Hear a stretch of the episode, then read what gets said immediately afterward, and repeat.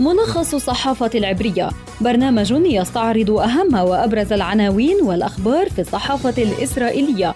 ملخص الصحافة العبرية زبدة القيل والقال في صحافة إسرائيل.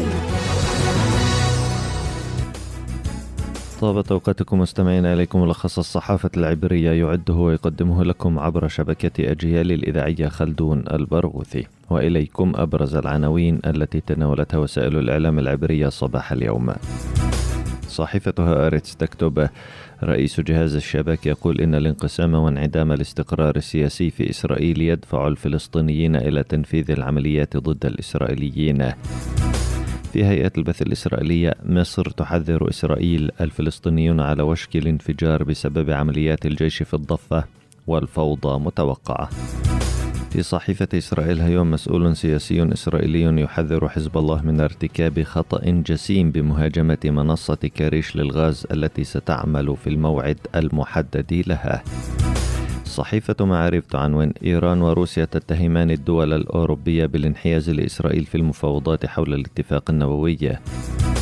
أما يدعوت أحرنوت فتنشر تفاصيل عمن تقول إسرائيل إنهم المسؤولون الإيرانيون عن الهجمات الإلكترونية عليها. وفي الدول التي كانت مستعمرات بريطانية لا يبكون على الملكة إليزابيث التي ماتت ولم تعتذر عن جرائم الاستعمار. تكتب يدعوت أحرنوت موقع والله يتساءل هل سينهار الكومنولث بعد وفاة الملكة إليزابيث؟ في القناة الثانية عشرة تفكك أحزاب وتحالفات جديدة. جهود الأيام الأخيرة قبل إغلاق باب تسجيل القوائم الانتخابية في إسرائيل. أما القناة الثالثة عشرة فتقول إن المترددين في الانتخابات هم الذين سيحسمون النتائج. نقلت هيئة البث الإسرائيلية عن مسؤولين مصريين تحذيرهم لإسرائيل من أن تكثيف عملياتها في الضفة الغربية سيدفع الضفة إلى الانفجار بوجهها وسيضعف السلطة الفلسطينية وستعم الفوضى. المسؤولون المصريون الذين لم تحدد هيئة البث الإسرائيلية هويتهم أو مناصبهم انتقدوا سلوك إسرائيل في الضفة الغربية وقالوا إن الوضع مقلق جدا وأن عمليات الاقتحام في الضفة تحرج السلطة الفلسطينية وتعمق من أزمتها ومكانتها وهذا قد يقود إلى تفجر الأوضاع في وجه إسرائيل. من ناحيته قال رئيس جهاز مخابرات الاحتلال الشاباك رونان بار إن حالة الانقسام السياسي في إسرائيل تدفع الفلسطينيين إلى تنفيذ عمليات ضد إسرائيل.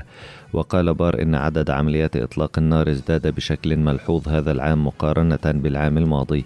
وأضاف أن المعلومات المتوفرة للشباك من التحقيق مع منفذي عمليات ومن الخبرة المتراكمة فإن حالة عدم الاستقرار السياسي والانقسام في إسرائيل تشجع دول محور الشر حسب وصفه والفصائل الفلسطينية ومنفذي الهجمات المنفردين تشجعهم على التخطيط لتنفيذ هجمات ضد إسرائيل.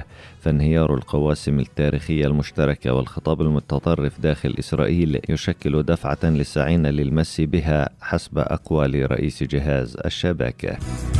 في تقرير تنشره يدعوت أحرنوت نقلا عن وكالة أسوشيتد بريس تتناول الصحيفة عدم إبداء الشعوب التي عانت من الاستعمار البريطاني الحزن على وفاة الملكة إليزابيث. وتنشر الصحيفة في التقرير صورا للقمع الذي مارسته قوات الاستعمار البريطاني في كينيا وغانا وقبرص. وتقول الصحيفة إن شعوب هذه الدول لن يبكوا على ملكة دول الكومنولث فقد ماتت إليزابيث. ولم تعتذر عن جرائم الاستعمار في بلادهم. ومن المضحك المبكي مستمعين أن تهتم صحيفة إسرائيلية بضحايا الاستعمار البريطاني في العالم وتنشر تقريرا يبرر لهم